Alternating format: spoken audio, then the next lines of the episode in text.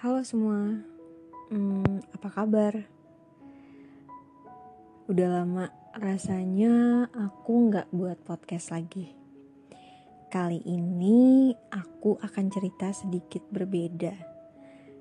Hmm, bukan bukan tentang penantian aku.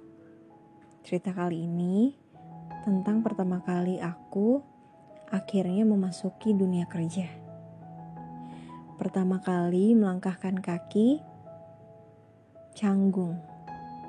Iya, awal kerja dulu canggung. Tapi senyumku selalu ada untuk semua. um, karena aku yakin senyum bisa membawa kebahagiaan untuk semua. Um, di sini bertemu dengan orang-orang baik. Mereka yang selalu dengan tulus berbuat baik padaku.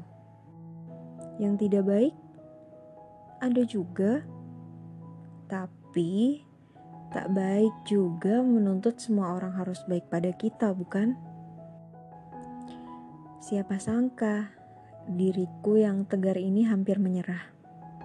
Iya, menyerah. Namun, di sini banyak orang yang baik-baik, yang dari awal pun menerima keberadaanku.